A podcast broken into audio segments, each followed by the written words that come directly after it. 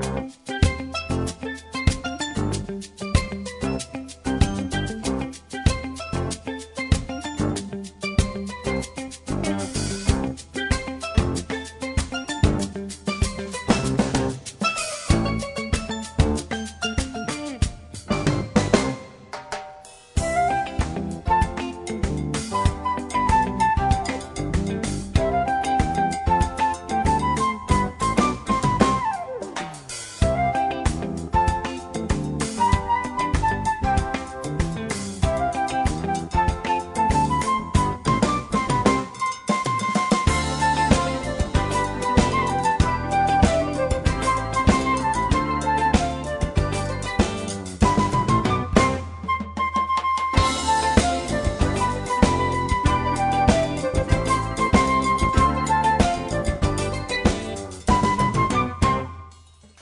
Ja, god morgon och välkomna. Bildslang i morgon.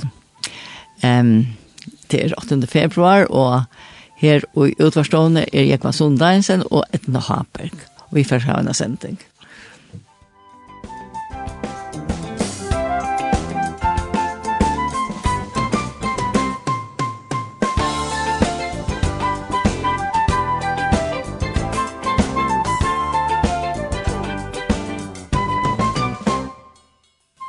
Ja, vi får at spela gå tonleik, og du er velkommen at låta gå i tog. Vi har sendt et ikke inn av 2.13.24, et sms, og du hører, høyre okra sang, og det skal ikke være så kjøtt som mulig, for at det kan komme vi. Og så har vi fått vi den gestsettene, og det er Olva Skål, og vi får prate om mengt og kvæd, i mest ur løyven Um, jeg vil jo avhverst, som hun opplever, så til det som vi har av Belgium til morgen.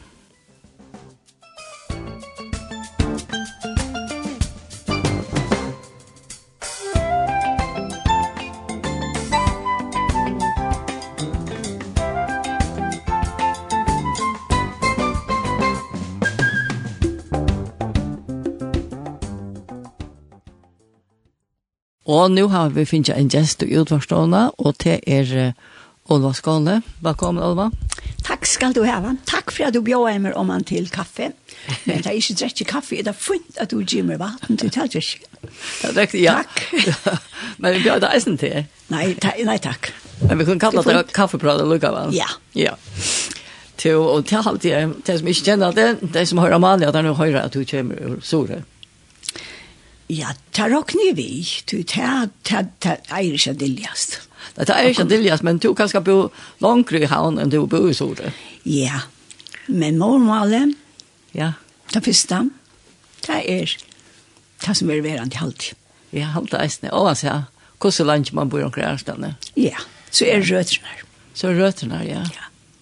Det er anna, er, hvordan klarer du godt å komme om her? Det er, til, det er øyelig holdt, og selv ja. taxabiler for et rev om man etter Svalbardsvennen, nå til jeg kom, men så var så heldig på ett bussen og vågna i han kom så ble vi tidsen på en, en gåan bil som kan være välskutter og kort med. Om man er bojen så er vi gingen igjen her.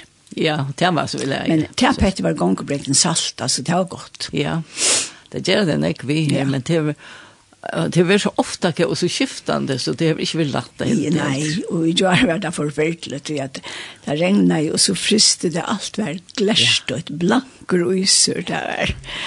Ta tar det ikke bare ut. Nei, det skiljer vi alltid at dette det er mamma ikke. Ikke det man så gammel. Nei. Til, men, men som jeg sier, to er sjoen, to er kultur, to er...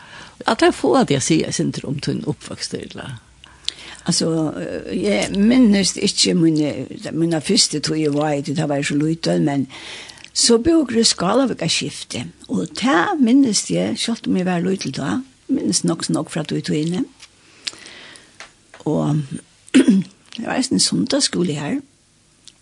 Oh, ja. Og Eiler Svoden, han platt vi kurs arka meg her, jeg han til jeg meg, da jeg platt lenne at mye at jeg dotter ikke sinja. I hans er vi er dotter utla sinja. Det er jeg sunk utla time. Jeg dotter årene til besta boka boken her, Oh, ja. Vi Bibelen ikke mamma mer, men jeg dotter ikke sinja, og det er flett det at Gustav var her. Men det er Det er så det. Det er min første sanker. Jo, altså, og hvor gammel var det da? Til du var skala Tvei. Og det var løytel? Ja. Ok. Ja. Men skulle vi færre høyre han ta sanken på denne veien? Ja, det er alltid. Besta bok. La du kunne begynne vi tog. Ja. Det er min første sanker som jeg minst. Besta bok av boken her, og tekneren har funnet en vi sundagsgåbeten og Ebneser. Ja, det var godt. Ja.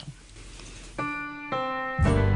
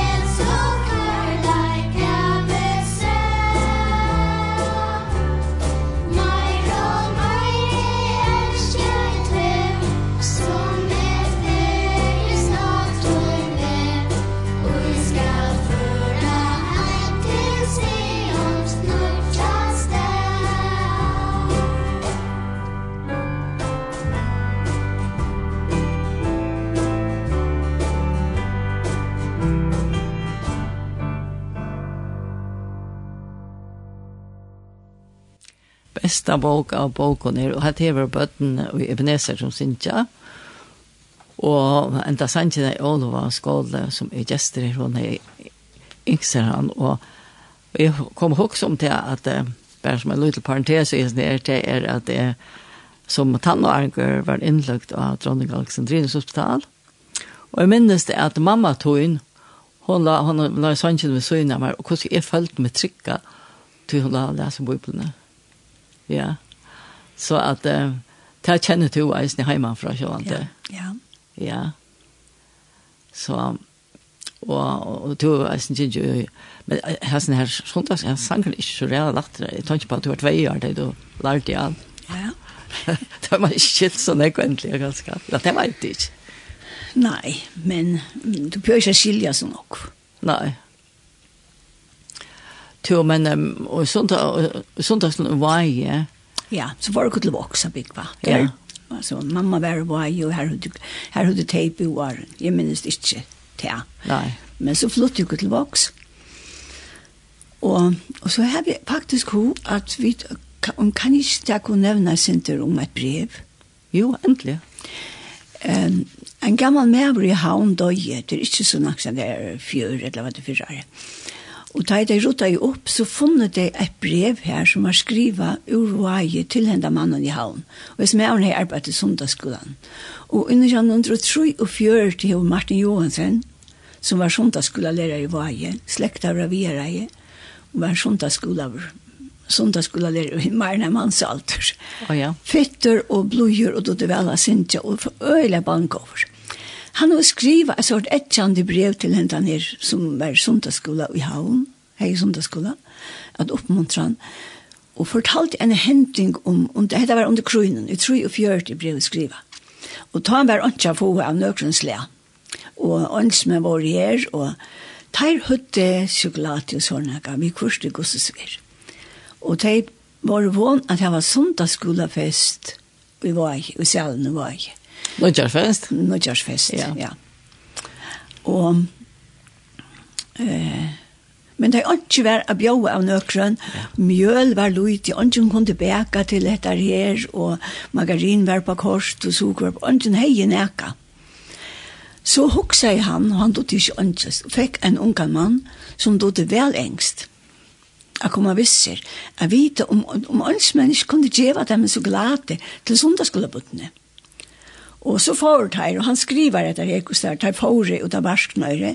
Her høyde jeg med tve hus. Og der kom han så her, og var møtter av en mann i Rifle, og en som, en som hei beinett. Stod vakt utenfor dyttner. Det var drastisk, ja. Det var sinte så, men, ja. så, så, men så spurte jeg henne hva der ville det. Og det er at jeg vet om der kom til å få akkurat, akkur gokka til akkur karameller eller sjokolade til sundagsskolen. Og så sier jeg sånn her, jeg vil eisen begynne sundagsskolen. Og så får han inn og vita, og så kommer jeg med over ut, og vita hva dette var, og sånn, og da han fikk vite ørene, så bjør han dem inn. Og, men hesten her sier så at han har ikke heimilt at leta neka. Men du skal komma, du kan komma og spyrja at han oversta. Men jeg hjelper deg, til at jeg har bare så god minne fra min sundagsskole i Aberdeen. Ja. Og så kom der til han overste, og da han fikk jeg vite hva det var det ville, at det skulle være til sundagsskolen. Så sier han, ja. Og så spurte han om han kunne slippe via fest. Nei. Sundagsfest. Å oh, ja. Og der fink, og han fikk gjort det. Der, der skulle der få, og der fikk jeg vite hva det var og så rødt. Og tann dagen festen var. Da kom det tveir unger menn, eh, ønsmenn, vi påsønn, hver sånn en stor påse med karamellen og sjokolade til søndagsskolefestene. Og jeg snir overst i her, og anker annar eisen av teimen kom bare eisen vi av søndagsskolefestene. Ja. Så at ta finke de, ta for de bjåa rundt sjokolade og karameller, og de vaksne som var kommet vid buttenen, de finke eisen, det var ikke fest for vaksen, men de finke eisen, og det var helt ågløymande tjatamen. Ja, det var så forskående. Og, og det som han ville si, vi, da han skriva dette brevet til den unge mannen her i havn, ja. ta, var det fyrir at uh, vise til at sundagsskolen hever sin virkning, altså det som er lagt i butten i sundagsskolen hever sin virkning til hun alt liv. Ja, det er så utrolig at tøtninger mitt. Jeg sier bare, jeg skulle bare, ja. nevne hatt det brev som ja. har skrivet i tro og fjørt. Alltså det var eisne avhåverst, og jeg husker eisne at jeg ville, jeg ville ha forskående kjøp bøtten, og da vaksne jeg få her. Kan du atla? Ja. Det var heller ikke papir, så jeg kunne heller ikke gjøre pakker eller nek. Det var ikke vær under kroen. Nei. Altså det tog innan minnes gjør jeg vel, det var ikke vær. Så tar var det jeg ville ha positiv innstilt av at jeg var til sundagsskolen. Ja. Tog det helt skå minner. Ja. Det var det som gjort. Ja, det var det som gjort. Ja till um, og men så men så gick jag själv den som söndag skulle vara jeg kom till Vox. Ja. Och här var det fler söndag skulle Martin, Martin Johansson var släktare av er. Han var han som hej alltid åpert, och som alltid var och utbud när gå han var så bankover. vi åtta tej anbuden. Men han var kun enast det, og han tog så där sinja och han og, og, og utbuden så det still. Altså, det var inte vi han krav til, att det skulle vara så. Ongen satt og snakka i, og da han spurte, så rette finker, utrette finkeren opp, og så spurte han en som sværa i, og han spurte, sjoltan halte i de som var klokast og størst, men kanskje de som var mest smægen. Altså, han dotte øyla. Ja, ja. Men han var ikke ensam at det tog at halter var ofte sundag skulle eisne, og Jansanese, og, og, og um, Alsanter, Leo, han var vi kvørst, og betensmesteren, han tar flottet til havnarsettene. Og ja, jeg kan ikke være råkne til å glemme omkran. Ja, men var det bort oppe i klassen? Nei, Öll var i einum bolti og öll finge nega bors ur beida som var stor og små. Ja. Da dotte dei helt øyla vel. Det er ofta så dranger ta ta i en, en tog etlu år. Ta er det nok så ofrialig. Jeg har alltid ikke nega var, vi minnes det var organ til at det var ofrialig. Nei. Og, og så eisen i eit som var, det var sundagsskola blei. Ja. Det kom kvirja vike, et nytt kun sånn og det, og ut lås jo på verset. Ja. Små og stor. Og utel bliv ikke overhørt, men så spurte han peika jo ut, og bare små og stor om verset til det store og til det utel. Ja, du har vært tvei imisk vers. Ja, et til små ja. og et til stor. Og de som du lærte ta, de sier Ja. Det minnes man, det er vi har lakra, ja. Ja. Så det, jeg halte det allmentlig godt at, at, at lære åttan det. Ja, og så var det eisen søvner som var jo i. Ja. Ja. Tu var og vi fer beina vojar til at det at hun veist eisen, og gikk studenterskola. Ja, ja, først var i skola. Først var til skola, så det. Ja, var i skola, tror jeg og gikk ut det som heter realskole. Ta, altså, det var primærskole, ble bare råpt realskole. Ja. Og så får jeg arbeid at han, og så får jeg arbeid av mm, en kontore, vi arbeidsmann av lønnen. Og en visste som heter Løhammer, det var, her var skip, og her var, var hantel, det var sort. Og arbeidet fisk. Vi arbeidet eisen i fisk. Å oh, ja? Ja. Og jeg torska fisk Det var bare ute og inne. Ja. Om sommeren ute der i Bekkrag, og så var det inne i Turkaruinen. Og så var jeg eisen i Jonken Handle og Åker Sjørnækka. Arne får til havnar. Arne får til havnar, ja. ja. Og det var ringt av han jeg byggfå i havn. Ja. Men, jeg slapp av byggfå til Pauli og Jens.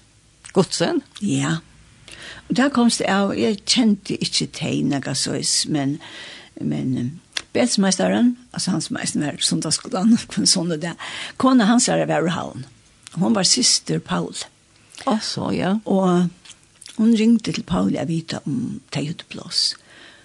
Og det heldte det. Ja. Ja. Og hjertet rom. Og her, det, det var altså, mine rønter av bygget her, her var alltid hjertet rom. Ja. Og her bor jeg, ikke som doserande, men som husfolk. Mm i två år. Hur ska hon vart kom planar? Ja, jeg var åtjan. Var du åtjan år? Ja, nesten. Nesten. Jeg var jag ikke fyllt, jeg var sen ja. Ja. Og studenter skulle være två år så jeg bor her til vi var årene. Og så gick studenten skola och ja og, och var bare trutchar jenter i klassen. Ja, det var ikke vanda jetteport under det sko. Det var første for det har bort sånt i tvær flokkar. Å ja. Og det var, det var helt ikke helt, jeg var godt, rent politisk, det var nesten hva skal man gjøre vi altså studentene? Landet er jo ikke bruk for det, og det koster, og sånt. Det var skrivet blå inn om det. Å oh, ja? Ja, ja. Men, men også var så trutja jenter. Tori, hun bor oppe i Høyburg. Og, og så Hanne Greta som bor i Bøkøyde. Ah, ja, han var snakket. Ja, han var grann i tjokk. Ja, han var grann i tjokk, man sier han Og han er grød jeg høyde nok samme, går samme fysikkholde og, og fyltest og, og, og gjør det ordentlig av gode vinkåner. Og er det en. Ja. Hun får så lese til apteker og sette ned til lakene. Og Tore ble lakene. Og en som var vi kvart i fysikkholde, han var Ole Beck, han var eisen lakne.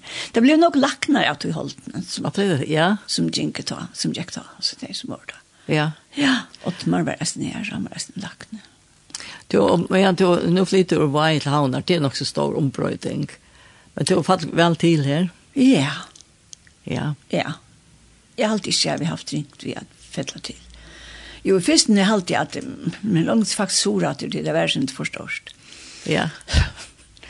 og, og det var nok så langt, åttan för jeg bygde ut tjejens en godsen om timen. Kardamommobøyen var ikke bygd, og, og, og, det var noen få hus her i, i, i Torfensgøte. Og hva var studenterskolen? Det er Skansa. Å oh, ja, primærskolen, student, ja. Ja, studenterskolen var BBB.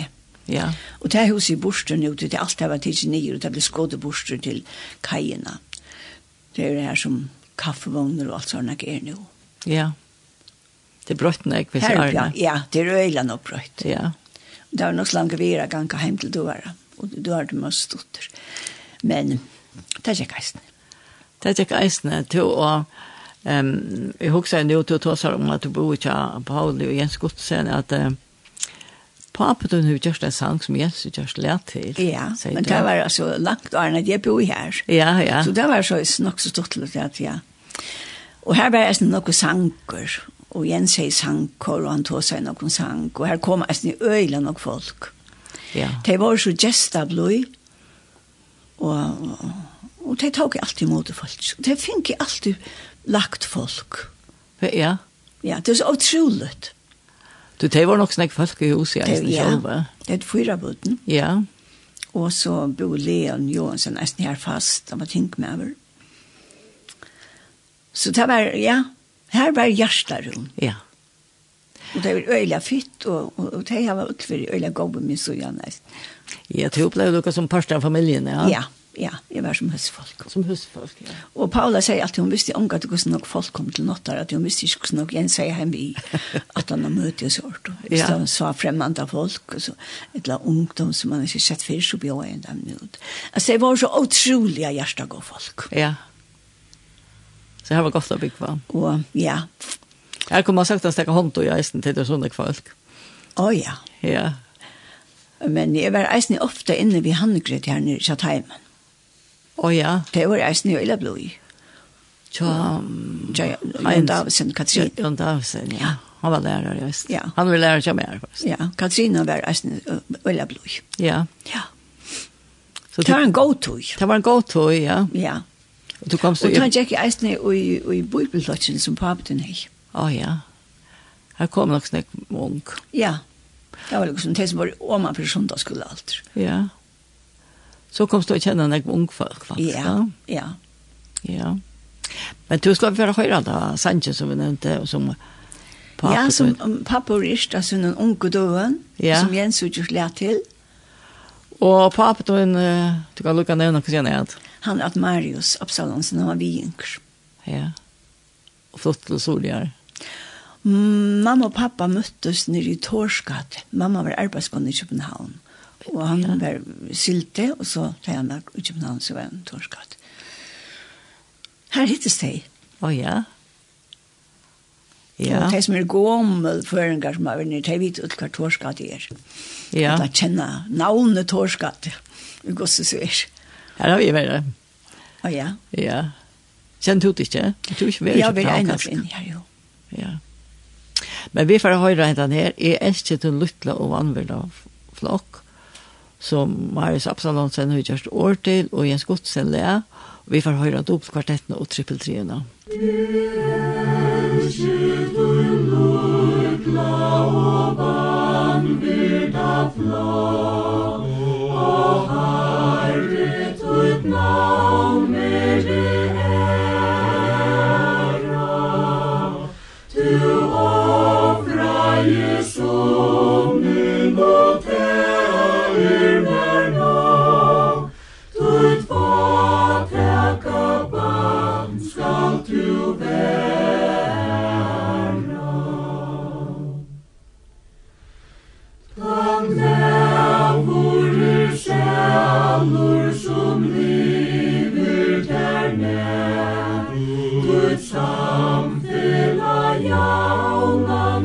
gråta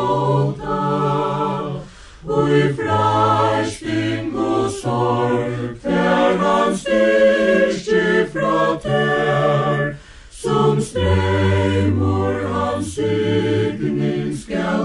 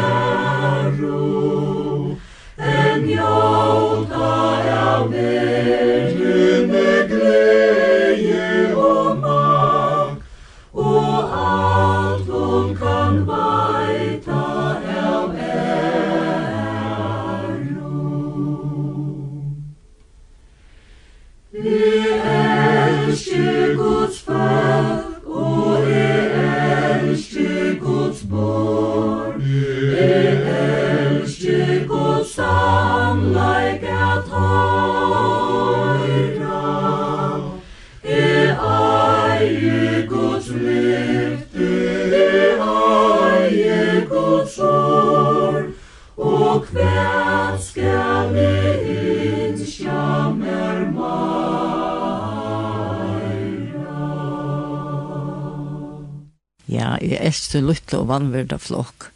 Jeg vil jeg vekur sjanker som papi Olvi har ist. Nå så ikke det er kommet akkurat sms her. Det kom et innskje, sang innskje, til å bo jeg vidt, sin vi, og så er det en som skriver her, Hei til boar, deilig å høyra tykkon her fra Gran Canaria. Olva du så ser av alle greia fra. Takk for det. Og vi takkar for helsena. Og det er nok stolt at jeg fer så vuja, ha?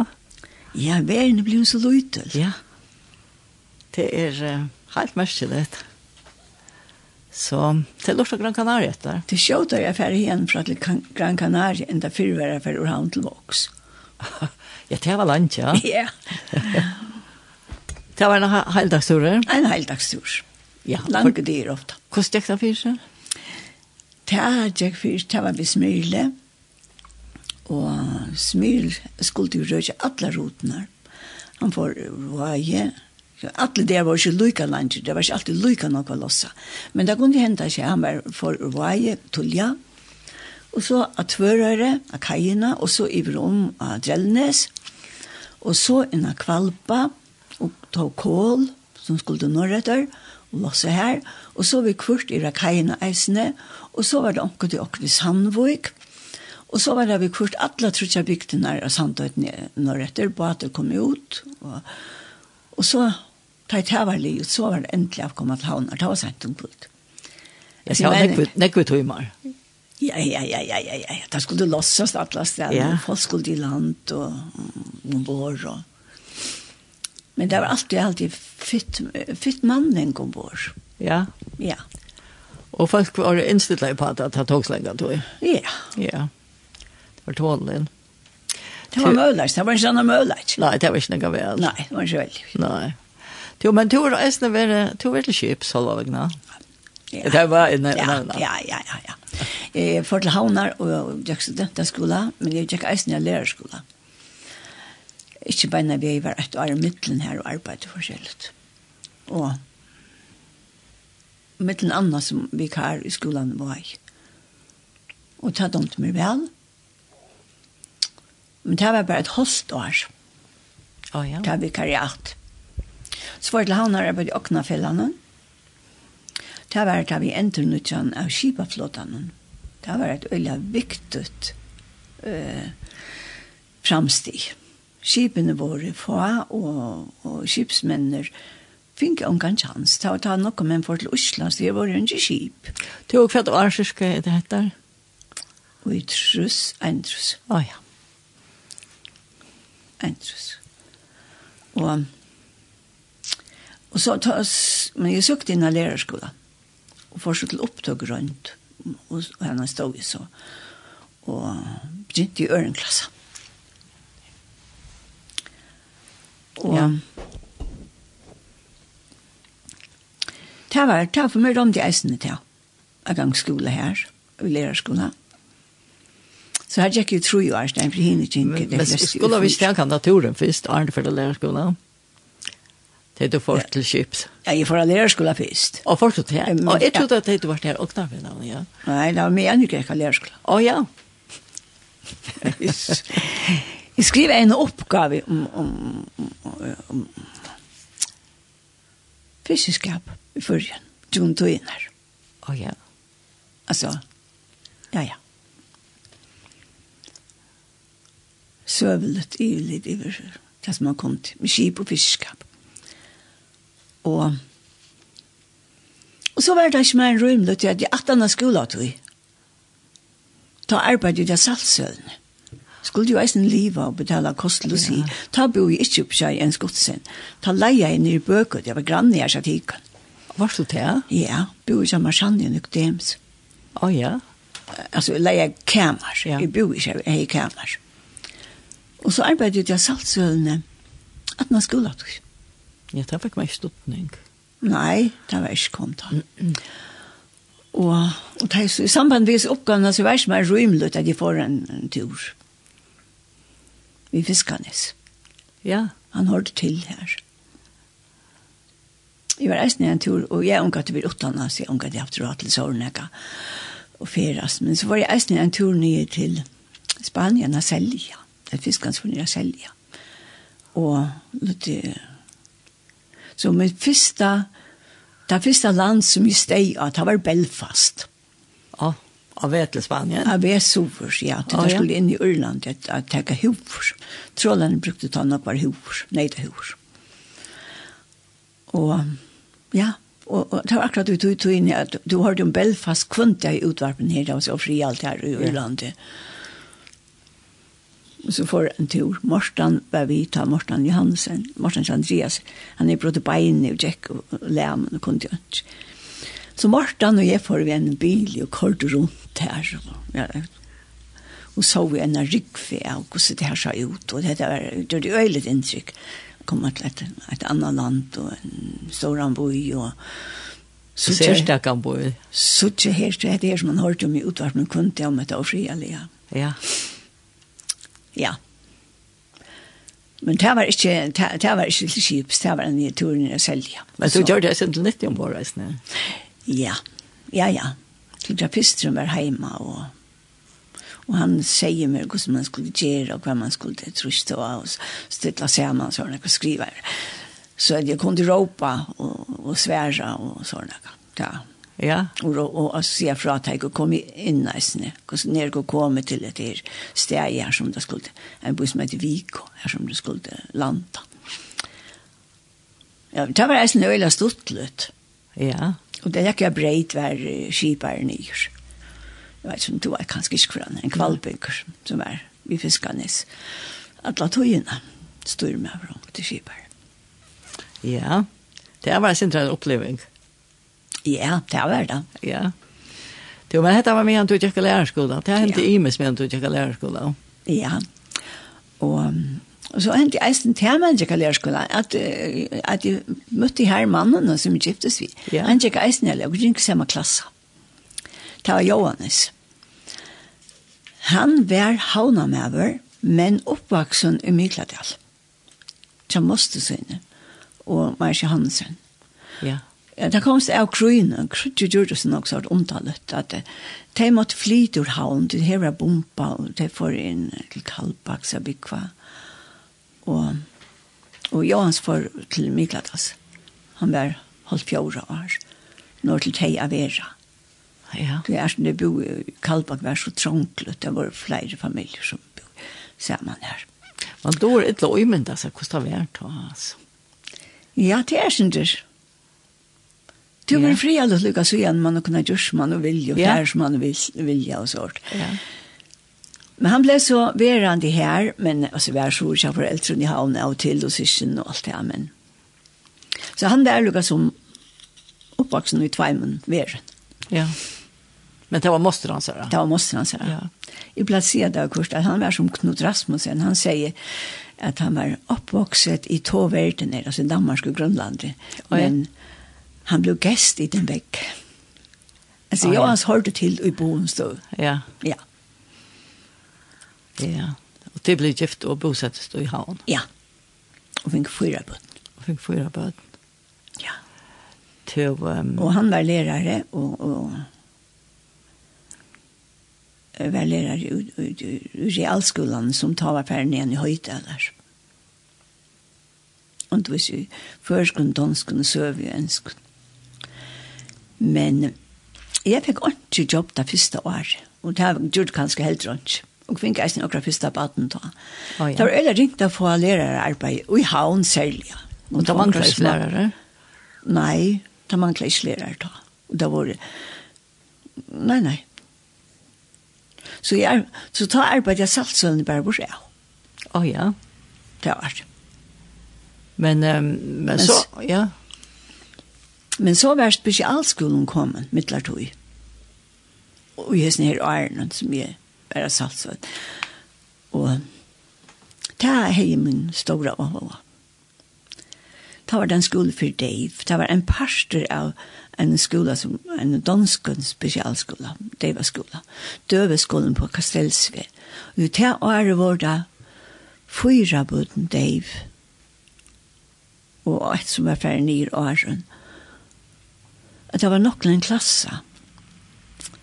Så det flottet han klassen bare til fyrja, så de, de ved buttene slopp jo undan å være flott i et annet samfunn.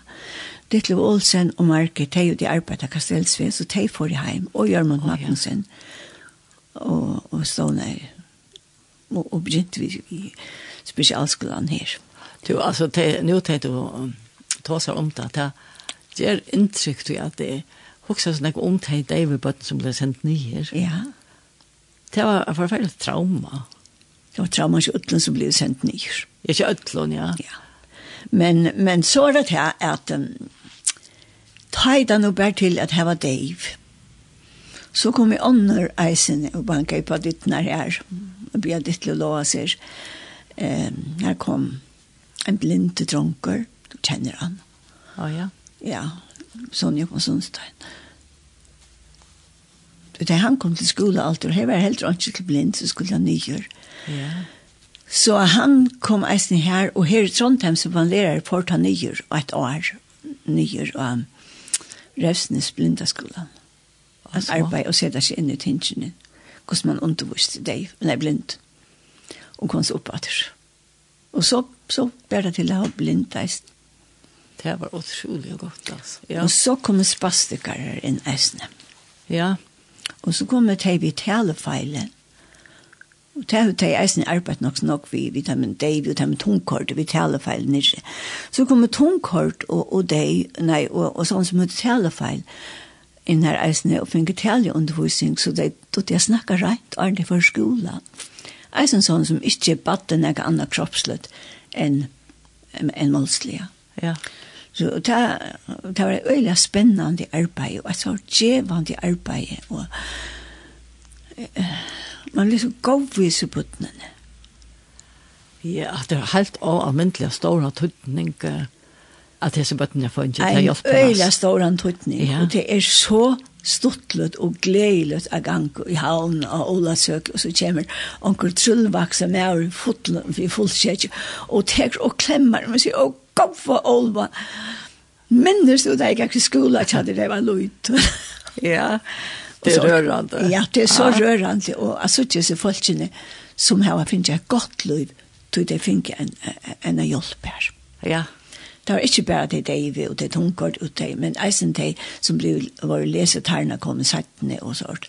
Og så ble skolen til enda førskår. Oh, ja. Det var eisen i et strøy. Og og, og, men så, og, og hverdagsgansa. Men så skulle det ta sjådas borster. Det var et gjersel kai øyne her. Å oh, ja. Og så var det til omkassen jeg fjerde. Og, og så ble det leia høle oppi i KFK og i KFM og i Brekkegud. Um, det var et nybygd hus og det ble bare lei alt som det var. Så at de minste bøttene, badnagæren, det var esten badna, altså badnagærsbøtten. Å oh, ja, er det for skola? Arne for skola. Ja. Vi er i Muskumbrekan, og her arbeider jeg herver. Å oh, ja. Ja, og, og Jorun konsertene og Inkon. Inkon og herver arbeider lunsj. Det var, det var esten boer jeg skansa. Og to arbeider lunsj her? Jeg, jeg var 40 år. 40 år. Ja. Ja. Ta for jeg, ikke to, uh, kom til være noe av rett, men jeg var svær så akkurat sjuk. Ja. At jeg, jeg måtte være tjon. At det tog til noe først? Ja. Ja. ja. Det var ikke til, at, vet, at det var et, et tungt arbeid. Det var tungt, og jeg er spastikere og sånn, jeg er kroppslig tungt, og så eisene, er Det er nok så streve, eh, man skulle ha godt tål, alla tøyene kunne gjøre kærleika. Det kan man ikke ja. hvis man er ibetrøyter. Nei. Nei. Så jeg måtte velge. Og jeg ferdig. Ja.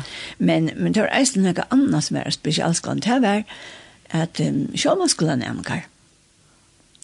Høyde jo nok var, som hade för för for vanlige barnaskola eller det finns ju för lite på orsen barnaskola som kom ju en kvulte att lære seg at skriva. Nå, det var omkalt gjort för, ja. Och det var nog kunde man kan nog vi man skulle man Och matematik, börjar matematik. Och ja, och jag hela tiden rockning. Det det, ja, ja. Och eisne nemminger som kom i av tekniska skola, som er håndverskare, og som ikke klarer i tekniska skola, tog der ut utenfor vanliga skolagång, et lassetøyt. Ja. Finns for lite på sjøsjønne skola. Det klarer klart, vel til vi. Men det klarer jeg ikke. Så at her var det nok kvult undervisning. Ja. Ja, ja, jeg har haft nok var sjømannsskolan nærmere. Ja. Så det blir ekvile varierande Ja, det var ett öjla spännande liv. Ja, spännande liv, ja. Virkelig spännande. Ja. Og i misbrek, psykiskt, fysisk, i botten. Det er spännande, men det var eisne ekvile krevjande. Ja. Og så tar jeg onker helt at jeg synes, ja, ja, ja, ja, du fest vi bort botten, du er ikke gjerne hjemme som er lærer. Og så husker jeg, Du vet ikke hva du sier, så sier, det er ikke bort. Kanskje det er ytterligere lykke vel begava, men det krever nok heimarbeid. Ja. Du skal fyrirreika til hvers baten å kunne teka det her som det er, og på tammata som det skal tekas. Ja, det er noe i stedet vera, hvert einstakt, i stedet ja. til flokken og dra inn noen. Ja. Ja. Jo, men... Um, men nok var det nok lærere som var her til enda det var nekver, jeg vet ikke hva vi tar tog gang så kjøtt, ja. men jeg tenkte bare det at du lærte det resten på emeska matar. Ja. Det er kanskje som vår leseveik, eller? Å ja, ja, ja. Ja? Ja. Vi er praktisk om tingene, eisne. Eisne, ja. Ja, til dømes... det er så strevig for oss, vi tar som man ikke dover, og, og, og så sier man, det er godt at du vil føre dover der her ordentlig, så var det klar alt møvlet. Ja Men alltså jag känner batten, jag såg fram efter det så lunch så hon gör och annat, jag minns ända för när som folk säger att de för att göra småkakor till det var spännande.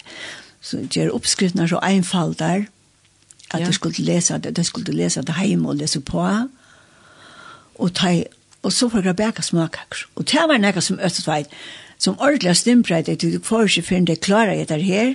Det var spännande, ja. Det vill Alltså du vet, det är skjort att läsa det här. För jag släpper bäcka smakar och äta det. Ja, jag vet det, ja. Ja, så det är som ett skinn av venen. Man tog nöjst alltid att det här var sådana. Så. Man kan gå hoskål. Ja, men det är nöjst att finna på. Ja, det är nöjst att finna på. Men gula råd allt Ja. Og ikke som ikke äsen at de vill via gang og fyrre en omkatt. De skulle få henne kjøtt. Ja, det har jag seg til. Og så ja, kött. Det seg ut. Ja. Jo, men det här uppskriften, det här blir brukt där. Det här skulle vara kött framme vi. Ja, Maj Johannesen, alltså det här som Johans vaks upp. Teipi, teipi boen er under tjåkan. Tei och var i åkra husen her. Jeg kvar bodde det? Och det gröneloj. Ja, ja. Og han hei tinka kross og kanskje knypt av tilfæri. Han helt at det var fint. Jeg ser oppskriften her, som jeg gjorde til munnebøten. Det setter han så i tinka kross. Å ja en teier som er matcher. Og det kom så annet tre som ikke egentlig har vært til skolebøten, men forskjellig som, som jeg gjorde til hans her.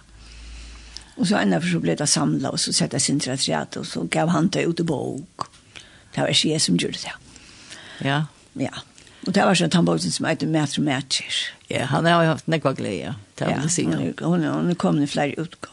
Er hun til flere utgav, Ja. Altså, hun er utselt og kom natter. Ja. Ja, jeg synes, mm. jeg synes det bra. Jeg synes det brøtt, ja. Ja, det er sånn. Men hun er god her, va? Ja, takk for det. Jo, men jeg halte vi for å høre en sang. Du var yngste sang vi som Simone Knudsen. Ja, du tenker å komme igjen i Grønlia Bikva. Ta var ikke nok folk kommet her. Simone, de flyttet inn, bare og Arne også flyttet inn. Og de fikk eisen i butten, og tarra butten, det passer så vel at de, hun er trutja dronjer, og akkurat trutja drønger, Og der var Jan Gamler, der eldste, og så Milengeren, og så der yngre.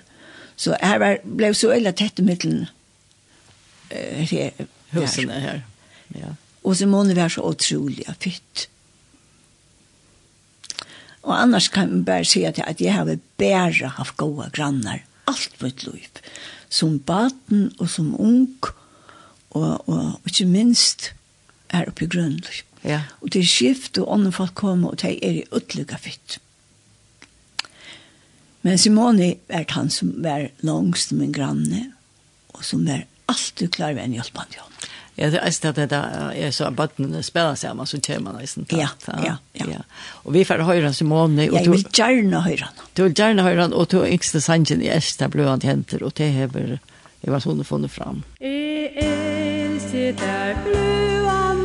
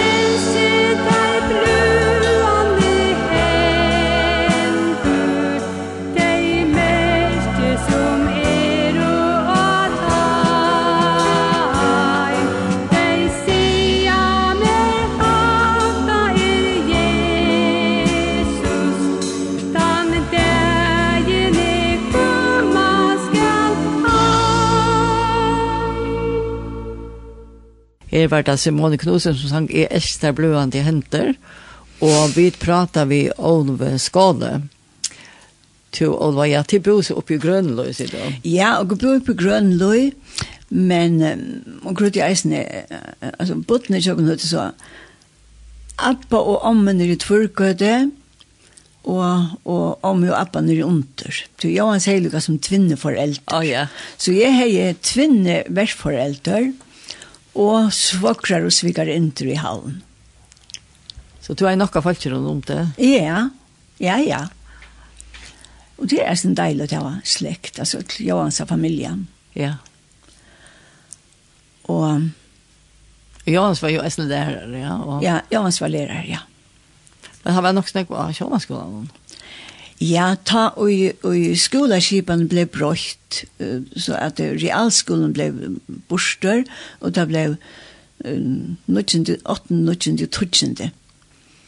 Altså, så ble han jo arbeidsleser, han arbeidde i realskolen, men og, og ta sukte han ut av sjåmanskolen, det her manglet lærere til mål, så her er han engst og først og angst. Og altså, Johans værsøys, at han var, altså hans hoved til sjokken var øyla stor. Ofta større enn han var blant. Så da, da kom han eisen i et miljø som som han følte seg okkvillig heima ui. Og så tok han eisen styrmannsspråk. Å oh, ja. Og tok onkel til Orlov for ut av sykla. Og han var eisen fiskeskipet og så vi kursen. Og så er han båt. og da måtte han, annars er han inte klara livet alt. Ja, at det var ikke det. At du kom till färra flåt. Ja. Og vi drar ikke noen eisene. Så det blir uppvant vi til eisene? Det var en sånn naturlig pastor. Ja. Mm. Ja, och eisne, er är nej, de eisne var å slippe vi båt. Ja. og du, der? men jeg vil ikke være noe så sjåmer, men jeg og var i eisen i Utlo, eisen stimer vi bare til deg for noe til mye Mikla, altså ferast. Så foregår det i Växjö var gott. Vi tog som många färg ur havn och sylte norr. Og det var en länk tur. En deilig tur. En deilig tur. Det var bare gå gång Växjö. Ja, ja, ja. ja. Jo, men du sier så opp til han ble sjuker og så. Og... ja. Han han då jo så og... ja, Du, du ble ensam ut. Nej, ensam ut lite inte men du ble ikke. Ja. Så ble det alt annet, där så att det blir helt øvelse, ja. ja. Det, det, han er fyllt så øyla nok, fordi at han, han, han ser sjuka uh, gjørte at det, det var så nok av er om man alltid. Jeg snakker ferast opp og nyer ofta av og så ut. Så det blir så tomrum Ja, tomrom, ja. Jeg snakker om natten at han, han fikk ikke alltid luft, så vi måtte alltid lufta, og han tar ikke alltid sova, og så, det ble veisen vi at han at han var færen, altså, jeg knappelig, altså, hørte jeg ungen andre drott, så var det akkurat som en sånn kvøkker på jeg fyr. Ja. Jeg venner ikke til det, det var nok så rikt, jeg venner ikke til. Men, og grått jeg eisen en, en ommesson som var brekaber, og det flere ommebøten da. Ja. Ja. Og Edna fikk så en drong som var brekaver. Og hon var under utbyggving i, i Danmark. Og dronkeren heida ikke noe særlig godt i at om sommar, og ta, laknan har sagt av igjen nesten, at om sommar i fyrjen og veteren i Danmark, altså det var ikke et virla som, som, som han heida godt i. Så hon får ned til Spanien, Han skulle til Hita, ja. Og universiteten nere i Barcelona. Ja. Og lærte seg spangst. Og les. Og les her nere av universiteten i Barcelona. Og måtte jeg ha en agent i Kjasir at, at Ansa Benjamin. Og her var det så heldig at Simon sysna var mot at en av dotter som jeg var for vi, Oh, ja. Og hun får så vi, og så var hun og heie Benjamin med han, med han etna være universiteten. Men så skulle hun være fri, og etna sier, mamma, gå, hva kan du ikke komme? Og det var stått at når Johans var leier. Jeg visste ikke, men jeg tørte, jeg dotte, jeg orska, jeg er ikke, jeg skulle... Og så, gå, hva, mamma, det er... Kom. Så, ja, så kom jeg. Men du er snakk var rønte fra, fra skolen oh, ja. Trønne. Ha? Ja, så ja, ja. Så det var, det var ikke torf for ikke mer bra gå igjen om og sånn som var breka over. Nei. Eller være omman. Og eisne rønter av være omman. Ja. Altså, vet, og som folk er i bandjen tog ikke nesta, vet jeg, men jeg har alle til bakgrunn som man skal heva, som man kan heva, ja. for at jeg kan bli av. Og så får jeg, og det var fantastisk. Og ta her så svog vi sammen. Og her var ikke, her var ikke av Johannes her nere. Alt var nøyt og ørvese. Og da jeg får sång, da får jeg ikke mine sång. Og her var ikke tomt plass vi så inn av Benjamin her her. Og, og, og altså, du vet, jeg kom akkurat bort ur tog, jeg slukk opp om nattene og, og, og og, og, og tomrummet var, var vekk med der her. Ja, altså det er tomrummet ja. inne i husene, stålen tomer, sangen tom. Altså det, det var helt øyelig godt for meg. Ja, det er også vi. At komme, var... komme vekk ur tomrummet. Ja, det er helt annet. Ja. Ja. Og så var det en stort opplevelse av å være her. Hva er i Spanien var det? I Barcelona. Ok, ja. Ja. Og så, ja. Hvordan er det ikke var Mm, Några månader. Några måneder, ja. Ja. Og minnes du en som het Hidalgo som gjorde film her i førjen? Nei.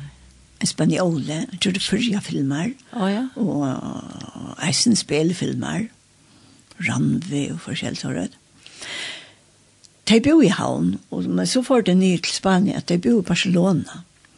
Og de hadde sett i samband vi etne, de hadde funnet at helten et skålenavn. Og spurt om hun var, du, de var inne i tjåken onke tog. Ok, ja. Ja. Mm.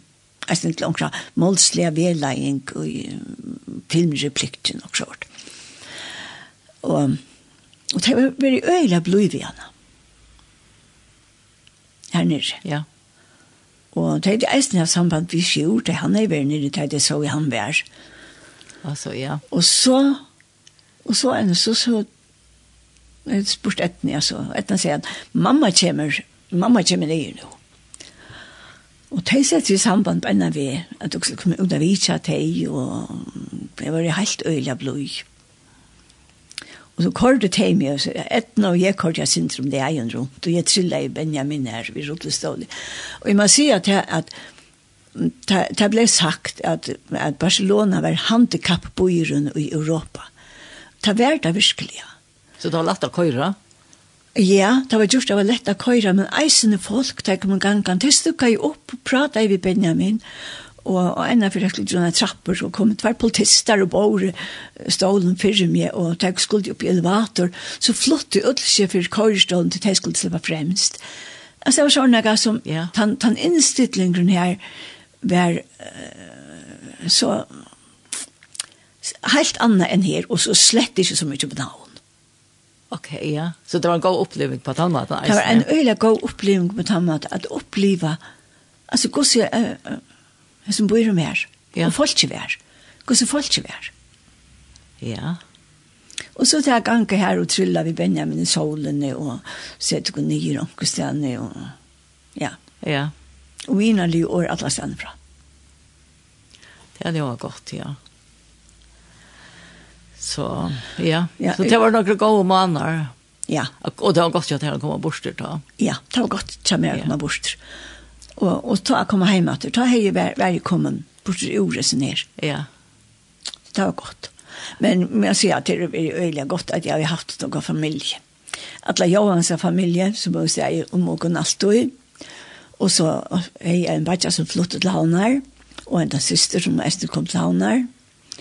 Så er de, og gode grannar. Ja. Som er framvis her, vi alle gode grannar i grunnen.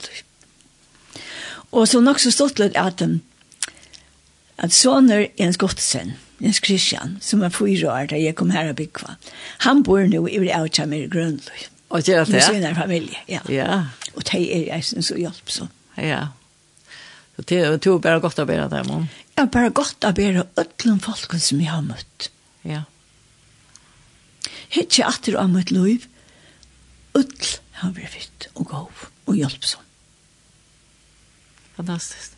Tu, uh, Jeg har ikke noe å takke for det. Det är något att for det, ja. Og det skal være mina stil. Ja. Ja. tu, uh, jeg vet inte vi har kommit till ändan ändan och till klockan är uh, nästan ett eller Jo ja.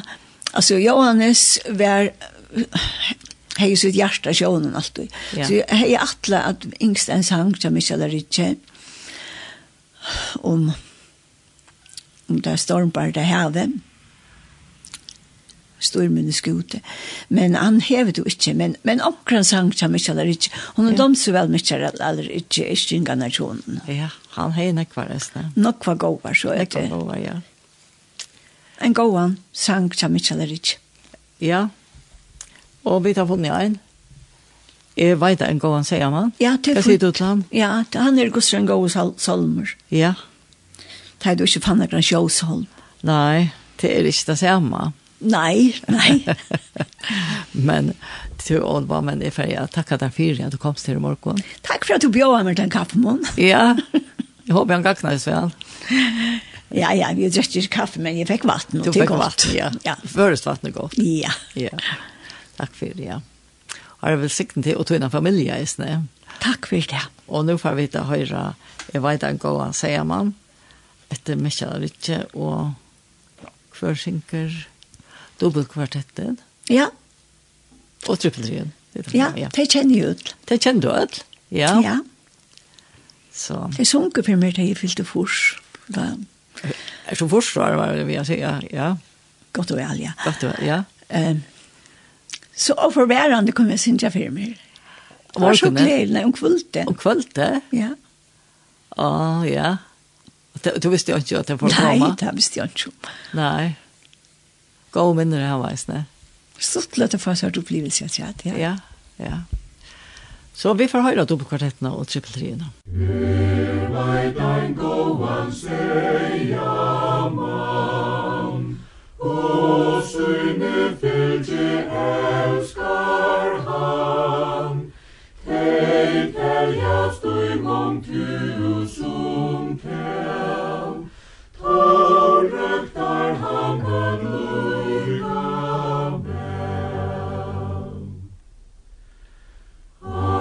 Russland ist der Skuheim Hamsal.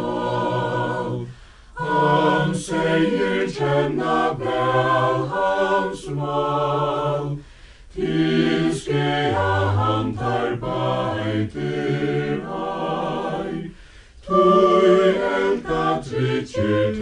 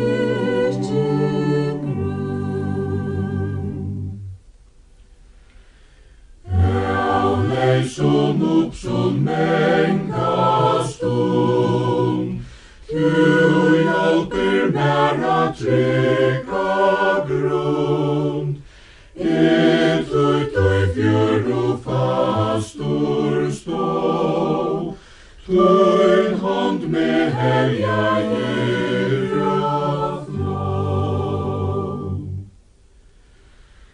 Tøy prysar ter mun sal so frå, Og eldir fegin tøyn slå,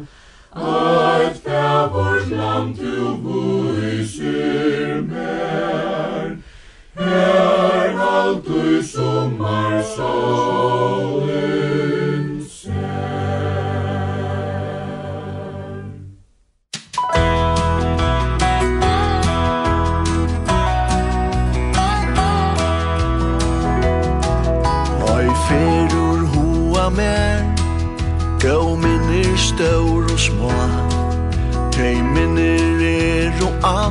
mer så nær Mer oppa tinden ber Og hjarta mot gjerst ungt. En bøner nær tja mammo Fyll tja mer. En bøner nær tja mammo Fylja mer. Som grødena ta fagra stå bär. Mot hjärsta tätjärst glatt Mot sinne frutt og natt. En bønernar tja mammo Fylltja mer Hon bär til Jesus om At vera signa mer. Og alt du gjerk om trunnar gåa vir Først fjóta fed med ber Ennar i dordene Vi mamma og kjøyt og himle Sinje er. En bønnen er Tja mamma fylta mer. Som grøttina Tja fagra stå hjarta te gjerst glatt. Mot sinne frutt og latt En bønnen er tja mammo Fylja mer Og i banna heimen om Vær smulig alt og blutt Som solen mittlun stjøtnor nær ta brann Om Kristus konga kong Hon gläddist menga stund. Om änglar ner som sunko Hat om han. Hon höjor skrun og ber Ha god gudun så glad. Og i dörden er finst allt strev og strøy. Angelt av morgon hon Velkomna bjør mer Til nudja stegin fire Adla tog En bøner nær Tjamma må fylja mer Som rødina Ta fagra og bær Mot hjärsta tätjärs glatt. Mot sinne frut og latt En bøner nær tja mambo Fyll tja mer En bøner nær tja mambo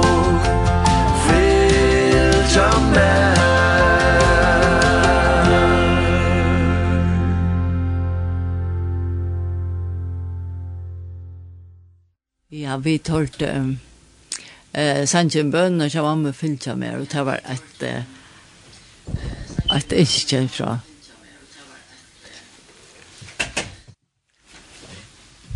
Det var lustig ikke, og Arne til, så hørte vi en sang som ikke er riktig. Jeg vet ikke hva han sier, man, og det var en som eh, Olva, så er gjester, er yngst som eh, medrennere, Johan Stomt så vel. Eh, Men Olva, det var et ting som du nevnte i år som ikke kom vi som kanskje skulle heva vi eisene. Ja, det var det at Johannes var eisene dengner, nå var eisene to som han var lærer jo, han var til skips, men han var skift eisene dengner i Havna kyrkje, og det var dumt jo en øyla vel, han var øyla gliver det. Men det var ikke så lunge, det han levde så ytla at han måtte djevast, tog at han, han norska ikke. Ja. Han var så sjukra norska ikke. Så det er stor en tøytning for han? Det er stor en tøytning for han, ja, ja. det er det. Ja. Og så ta ta fikk vi så vi nå. Ja. Ja. Det var så viktig. Det var eisen viktig, ja. Så at og en av sånne sending er det nok ting som man ikke var vi, og kanskje at han ikke man tackar om det. Og sitter og tåsar og så, og det her er ikke manuskript, det er bare prat. Ja, det er bare prat. Men det var også verst prat. Takk for det, Olva. Så takk. Takk for at du bjør, Emil. Ja, vi er så kommet til enden av sendingene. Ja. Og, og i morgen så har vi haft et eh, prat vi om skåle, og så har sendt reisene. Og henne her kjente ikke, hun blir enda kjent i kveld klokken 8, så bare at legge mest til, det pleier å være klokken uh, halvgån åtta, nå er ikke en 3, men i kveld er det så klokken 8. Så vi får takke for åkken i morgen. Jeg var sånn sondag, sen og et nå Haberg.